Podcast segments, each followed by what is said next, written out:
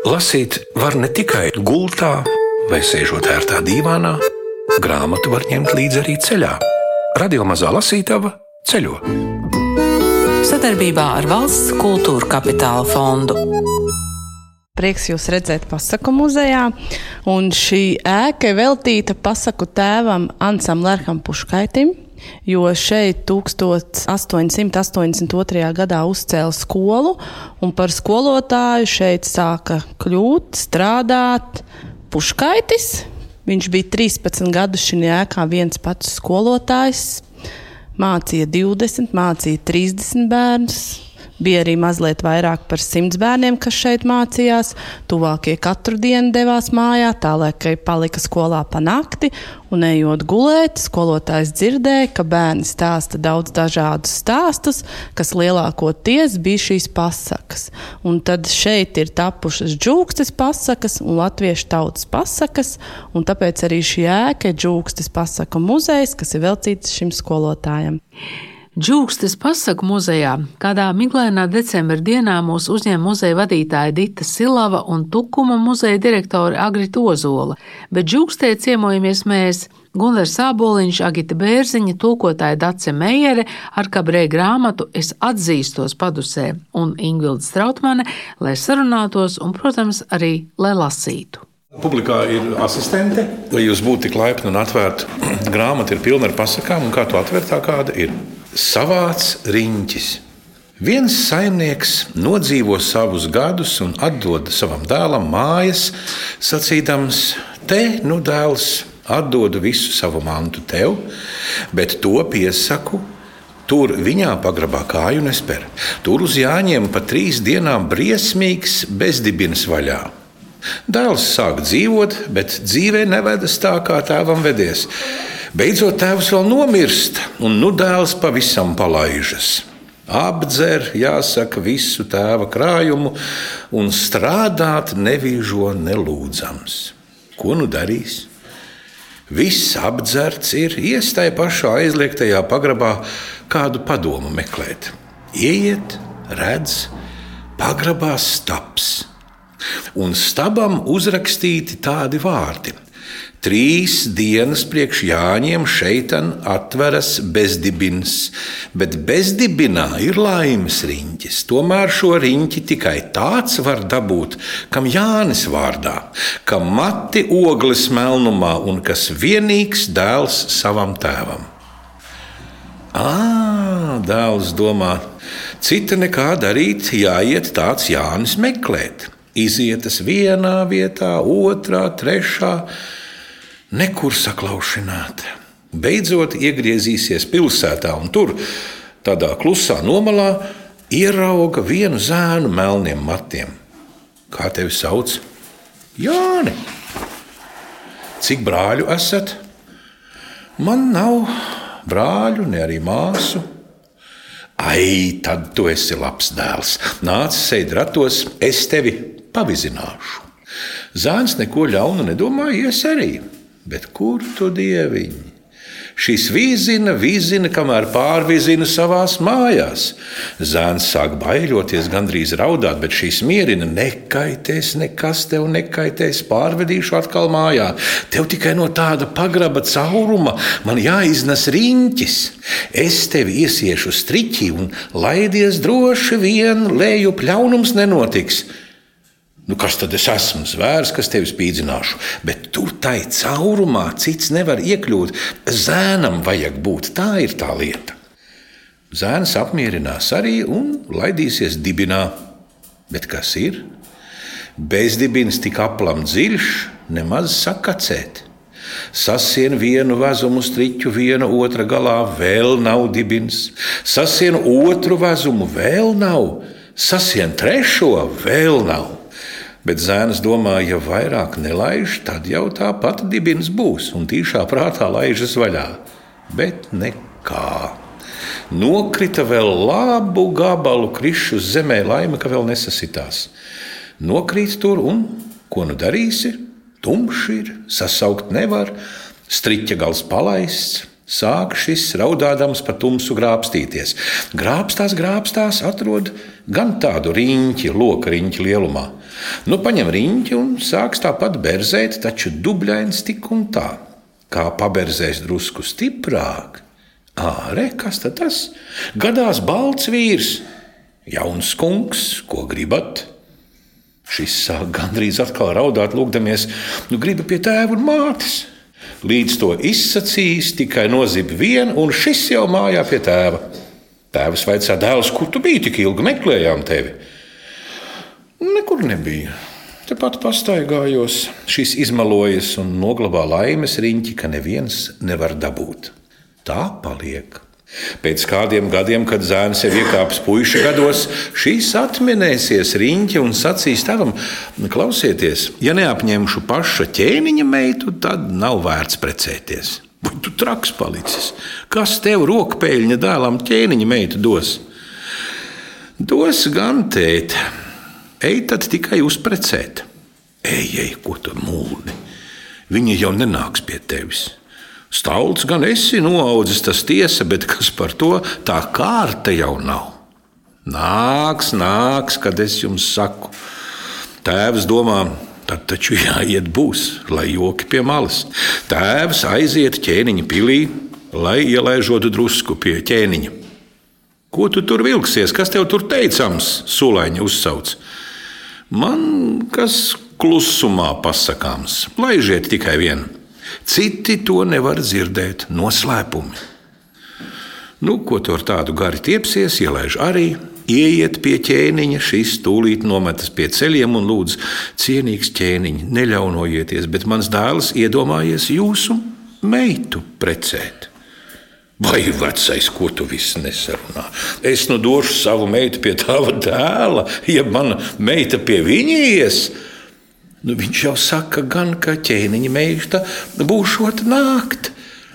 Jā, redzi, ja tavs dēls varētu upei pārtaisīt dimanta tiltu un otrā pusē tādu pili kā man, nu, tad varbūt tas vēl varētu notikt. Labi, labi, ķēniņ, tad es viņam teikšu, var, var, nevar, nevar. Lai tad atkal liek prātu pie miera. Pāriet mājā, izsaka, Dēls atbild, nu, to es varēšu gan. Un kas ir? Naktī, kad visi noguluši, rokpēļņa dēls paberzējis riņķi, atskrien baltais vīrs, jauns kungs, ko gribat? Gribu dimanta tiltu pāri upi un viņā pusē tādu pašu ķēniņa pili kā mūsu ķēniņam. Līdz to izteicis, viss gadījies. Rītā ķēniņš iziet laukā, redz, dimanta tilts, zelta pilsēta pārākas lietas nekā viņam. Laistās vien, nu ķēniņš tūlīt sūta pakaļ vecajam vīram, atnāk, vai viņš to tiltu esot cēlis. Es nezinu, varbūt mans dēls atsauc dēlu, vai tu to tiltu un pili cēlis. Jā, tie ir mani gan. Nu, kā tu viņus cēli?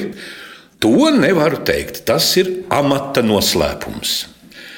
Nu, ja tas amata noslēpums, tad savu meitu neliekšu arī tik varanam amatniekam. Un nu dēls apņēma ķēniņa meitu un iegāja jaunā pilī dzīvot. Ķēniņš palika vecā pilī. Dzīvo tādu laiku, te mans saimnieks dabūjis zināt, ka toreizējs melnmati Jānis izkūlies no bezdibina un laikam ar laimes riņķi zelta pilis cēlis. Ķēniņa meitu apņēmis un ko neko. Ko viņš darīs? Noskatās vienu dienu, kad ķēniņš noc aizgājis medīt, tā apmetas par zelta kalēju un ielien pie jaunās ķēniņienes. Vai nevajagot zelta lietas pirkt, jeb, jeb vecas lietas uzspodrināt, bārtaisīt? Ķēniņiene atsaka citas lietas, gan spodras, bet tur manam vīram tāds tāds vecs zelta riņķis, pa skatu mētājs. Varbūt to varēs uzspodrināt. Lai tik dodot šurp, Iedod, šis tūliņš paberzē, atskrien baltais vīrs, jauns kungs, ko gribat. Lai šī pilsēta ar visu ķēniņieni un dimanta tiltu pie manām mājām notop. Tūliņ tā notiek. Pārnāk no jaunais ķēniņš no medībām, ne pils, ne tilta, ne sievas vairs, un vecais ķēniņš vēl dusmīgs. Šis tiešām nezina, ko nu darīt, vai galu ņemties, vai beigt. Ko taču darīsi? Krīt vecajam ķēniņam klāt, lai piedod, ka viņa meitu tā pakliedējis. Vecais nedzirdēt. Beidzot, kad labi izbāries, nu, piedos gan, bet piesaka, lai tūliņ iet meklēt, kur viņa meita palikusi. Neko darīt. Ņem somu pa muguru un iet pa pasauli klaušinādams. Beidzot, saklaušana no ļaudīm, ka tepat nevisai tālu pie vienām mājām tāda un tāda pilsēta ar tādu un tādu tiltu esot redzēta. Ko nu gaidīsi poši projām? Jā, paiet tādu cēlienu, redz, būs gan, un par laimi gadījās tajā brīdī nabagu satikt. Vai dzirdi, vecais, viņš saka nabagam? Šeit tev manas drēbes, atdod man savas ar visām krusta kulēm. Vai nabaks ūrojas, man tās ir maizes pelnījamās, tās kules, nu, nu, nu kā es atdošu. Nekas par to tev vēl labu naudu piemaksāšu, nopērts citas, bet man vajag tavas drēbes. Labi, atdos gan, ka tā uzplies. Nu, ķēniņas nots, apģērbjas par nabagu, uzliek krusta kulas, aiziet pilī un stāv iepretim pilī salīcis. Kaimiņiene ieraudzījusi šo, iedod meitai skābrauga kukulīti, nu, lai iznes tam nabagam. Iznes, bet nabags neņem. Lai nesot pati ķēniņiene, tad ņemšot. Es domāju, ka kaut kas sakāms noteikti ir arī Tukuma muzeja direktorai Agritai Ozolai, jo jūs teicāt sākumā, ka šis ir tāds septītais rūķītis. Tā ir, jā? Ja? Jā, tiešām Džūks pasaku muzejs ir septītais jaunākais muzejs Tukuma muzeja saimē. Un uh, mēs esam tiešām ļoti priecīgi par to, ka Tieši šodien mazā lasītava atrodas Džokas pasaku muzejā, jo pasaku tēvam, Ansam Lerhim Puškaitim, šis ir jubilejas gads. 160 gadi ir pagājuši. Un, man liekas, šī ir brīnišķīga iespēja pieminēt šo cilvēku. Un klausoties šo pasaku, kas ir viena no džūkstas pasakām, es tā domāju, es gandrīz vai spēju iedomāties to skatu, ko ir pieminējis laikam Roberts Bērziņš, ja es pareizi atceros, par to, ka reiz te klasē sēdēja Lērks Puškaitis un viņam blakus teicējs, un Puškaitis pierakstās pasakas, ko teicējs stāsta. Un tā valoda, kas arī šajā pasakā, man likās tik ļoti tāda apaļa, garšīga, izteiksmīga. Un tā arī ir tā mūsu bagātība, tā džūkstas izloksne un tieši tas, kā šie cilvēki šeit runāja. Un tas, ko pierakstīja Puškaits, protams. Es jau sākumā pieteicu tulkotāju Dacu Meijeri. Mums ar Dacu Meijeri radio mazie lasītavai jau ir tādas diezgan ilgstošas attiecības. Mēs ik pa laikam parunājamies. Un um, Daca Meijeri ir uh, pazīstama ar garajiem teikumiem. Mēs šodien paņēmām līdzi grāmatu Kabrē. Es atzīstos. Es grāmatu biju jau pamanījusi, bet ierosinājums tulkot nāca no Mansarda. Jo, lai šādu grāmatu uzņemtos izdot, tur vajag diezgan lielu drosmi. Un Mansardam tobrīd tāda duka bija. Viņi arī prata piesaistīt katalāņu atbalstu. Un tad es savā trakumā un vājībā uz biezajām grāmatām piekrītu, bet nu, viens ir tas pacelātais brīdis, kad tu paraksti līgumu un saki, jā, jā, es tulkošu. Un tad, kad apsēžās pie rakstām galda un pretī ir nu, tik bieza grāmata, katalāņu izdevumā ir vairāk nekā tūkstoši lapušu, un tad tā sāk ļimt ceļgalu un ir tā sajūta, ka nu nekad, nekad, un tu šķir pa lapusītē tulko, un tu esi tulkojis, piemēram, kādu labu laiciņu, un tas ir tik tālu, un liekas, ka nekad, nekad es to nepabeigšu. Un savukārt pēc tam ir laba sajūta. Tad ir ķieģelītis kārtējais. Un šī patiešām ir izcila grāmata. Es par visām savējām tā nesaku, bet šī ir izcila. Šī gadījumā ir rakstīts no katalāņu valodas, tulkojas Dārsa Meija, ir parastu tulko no itāļu valodas. Un lietuviešu un spāņu man arī ir. Spāņu kāds desmit man arī ir. Bet tagad katalāņu valoda, cik tā ir atšķirīga no spāņu? Nu, vienkāršākais salīdzinājums varētu būt tās attiecības kā latviešu un lietuviešu valoda. Tad viņas ir ļoti radniecīgas valodas, bet, ja cilvēks nav speciāli mācījies, tad nevar otru valodu saprast. Un tā kā mēs lietuvieši, nu, It kā saprotam, it kā nē, bet ļoti viegli ir kļūdīties, ka vārds izklausās absolūti vienādi, bet nozīmē pilnīgi ko citu. Nu, tas kaut kādā ziņā ir līdzīgi. Bet atšķirās visa gramatika, leksika, fonētika, viss ir pilnīgi citādi. Nu, ir tāds jautājums, kas eh, izklausās naivi, un tomēr es domāju, ka kāds ieraugot to grāmatu, prasa, par ko viņi ir. Viņa man liekas, ka viņa, grāmata viņa, ir dzīva, vai ne? Protams, viņa. Šoreiz ir sevišķi grūti atbildēt. Es Aizvakar kādā no grāmatu lasītāju fórumiem Facebookā redzēju, ka viena lasītāja, kur ir jūsmīgi izlasījusi un saka, ko lai es tagad pēc tādas grāmatas lasu, nu, ka ir grūti iedomāties, ko lasīt nākamo, un tad cita potenciālā lasītāja prasa, nu, par ko tad ir šī grāmata? Un tad tā pirmā saka par visu. Tur ir viss. Man liekas, ka tā ir visprecīzākā atbilde, bet tā tad, nu, ja drīkst mazliet maitāt vēl gaidāmo lasīšanas prieku, tad sižets īsumā ir tāds, ka tas ir intelektuāls, poliglots, gudrs cilvēks, kurš diezgan agri sāk zaudēt atmiņu. Tad viņiem ir konstatēts, ka būs neatgriezniski procesi ar atmiņu, un tad viņš raksta savu dzīves grāmatu, raksta viņu kā vēstuli mīļotajai sievietei, kur ir zaudēta, un tad šajā viņa rakstījumā, tai visā sajaucās kopā gan viņa bērnības izdomātie tēli, visa Eiropas vēsture, viss, par ko viņš kā kultūrologs, nu, kā zinātnieks ir domājis. Un tad ir tā, ka stāsti saklājas viss kopā, saužās neskaitāmi paralēlās līnijas, tur izveidojas ļoti dīvains tīmeklis. Un, Šo grāmatu lasot, faktiski pirmās 200 lapus paiet, lai pierastu un pieņemtu autora spēles noteikumus, bet to vajag darīt. Un pēc tam ir neizsakām aizraujoši. Par beigām es neko neteikšu, tās ir pilnīgi negaidītas un pārsteidzošas. Bet nedrīkst šķirt pāri tās pirmās nē, 200. Nē, nē, nē, tās ir jāiztur, un tad tas viss saužās kopā, un autors to grāmatu rakstīja astoņus gadus. Un tas ir nevis tā, ka nu, reizēm piesēžās un paraksta, bet nu, astoņus gadus smagā darbā, un tad viņš teica, ka tad pienāca tas brīdis, kad viņš saprata, ka vēl kaut ko mainot un pulējot, viņš jau samaitās. Un tad astoņi gadi darba. Tā grāmatā arī ir. Un cik gadi ir tulkošanai? Tulkošana bija nepilns gads.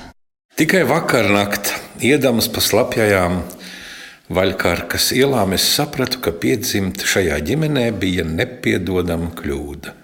Piepieši apjēdzu, ka vienmēr esmu bijis viens un nekad neesmu varējis paļauties ne uz vecākiem, ne uz kādu dievu, kam deleģēt risinājumu meklēšanu, lai arī pieaugdams parādu domu smagumu un atbildību par savu rīcību pārlikt uz skaidri nedefinētiem uzskatiem un visdažādāko lasāmu vielu. Vakar vakarā, otrdien, lietumu gāžot, atgriezdamies mājās no ciemošanās pie Dalmau, nonāca pie secinājuma, ka šī nasta ir tikai un vienīgi mana. Un ka par saviem panākumiem un savām kļūdām atbildīgs esmu tikai un vienīgi es pats. Man vajadzēja 60 gadus, lai to saredzētu. Ceru, ka tu mani saproti un saproti arī to, ka jūtos neaizsargāts, vientuļš un bezgalīgi noilgojies pēc tevis. Par spīti attālumam, kas mūs šķir, tu man esi paraugs.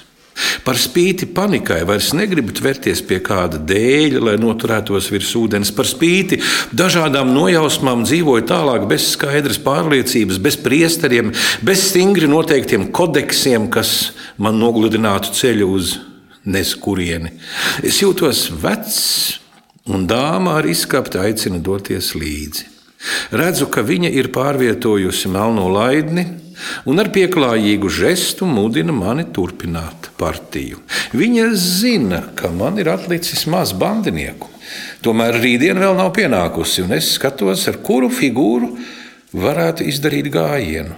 Sēžu viens pats pie šīs papīra lapas, kas ir mana pēdējā iespēja.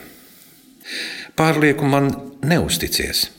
Vienam lasītājam rakstītas atmiņas ir žanrs, kas tiecas melot, un zinu, ka arī es vienmēr centīšos nokrist uz visām četrām kā kaķis, tomēr mēģināšu nepiedzējot pārāk daudz. Viss bija tieši tā, un pat vēl sliktāk. Zinu, ka man būtu vajadzējis ar tevi par to runāt jau sen, taču tas ir grūti, un arī tagad nezinu, kā sākt. Grāmata ir ārkārtīgi piesātināta ar visdažādāko jomu, specifisko leksiku. Viens no grāmatas galvenajiem tēliem ir sena viole. Un viss šis violas ceļš, kopš vissenākajiem laikiem, pat nevis pašas violas ceļš, bet no brīža, kad nejauši zemē iekrīt koka sēkla un pat šīs koka sēklas ceļš līdz konkrētajai vietai kalnos, kur viņi izaug. Un tad viss vīolas ceļš, visas tās īpašnieki, un tā mēs ejam cauri visdažādākajiem laikmetiem, kur ir specifiski termini, lai apzīmētu visdažādākās lietas. Bet tā tad ļoti daudz bija mūzikas, mūzikas un, un ar violi saistītu visdažādāko vārdu un violas detaļas. Un tad mūsdienās var viegli šos vārdus atrast. Man ir jauna viltība, kā to darīt. Es esmu pietiekami liels latvietis, lai man būtu grūti doties pie kāda mūziķa un prasīt, kā tur sauc violē to daļiņu. Un kā jūs mūziķi paši sakāt, kad jūs atspriegojat vai atlaižat vaļā lociņa astrus pēc spēlēšanas, vai kā jūs saucat to kustību, ar kuru nu, jūs iesmērējat uh, Un tas viss ir ļoti specifiski. Vārdi, kurus varētu atrast vārnīcā, parasti neder. Jo tam ir jābūt tiem dabiskajiem vārdiem, kurus paši mūziķi izmanto. Jo citādāk, nu, pat ja no desmit vai nu, atvainojos, pat ja no visiem lasītājiem būs nu, tikai pāris mūziķi, bet arī viņu lasījumā tas nedrīkst izklausīties falši. Un tātad, kāda ir viltība? Ņemam Facebook, ierakstām, sakiet, lūdzu, kā sauc to un to detaļu. Pēc pāris minūtēm Mani lasītāji jau ir ietegojuši vairākus simfonietis, violnietis, kurus pasakā, mēs to saucam tā un tā. Hops, viss ir atrisināts. Tad no vienas puses tāds Facebook ir laika apēdājs, bet no otras puses tā ir mūsdienu visērtākā konsultācija, banka un vārnīca. Tulkojot, es visu laiku klausos mūziku, vai arī tur vismaz austiņas uz ausīm visu laiku, arī reizēm bez skaņas. Tas man palīdz norobežoties no kaut kādas apkārtējās telpas, pat nevis no skaņām, bet nu, samazināt kaut kā pasauli līdz tekstam un ekrānam un kaut kā tā. Bet, nu, klausos, es esmu vairāk instrumentāli, baroku vai šādus tādus džēzus paveidus. Žāmas Kabrē grāmatu Es atzīstos, tulkojusi Dace Meijera no katalāņu valodas, lasīja Gundars Āboliņš. Džūkstas pasaku muzejā viesojās Agita Bērziņa, Guntis Stankevičs, Andris Burmistrs un Ingvilds Strautmane. Es atzīstos, izdevis Mansards. Lasīt var ne tikai gultā vai sēžot ērtā dīvānā, grāmatu var ņemt līdzi arī ceļā. Radio mazā lasītava ceļo. Sadarbībā ar Valsts kultūra kapitāla fondu.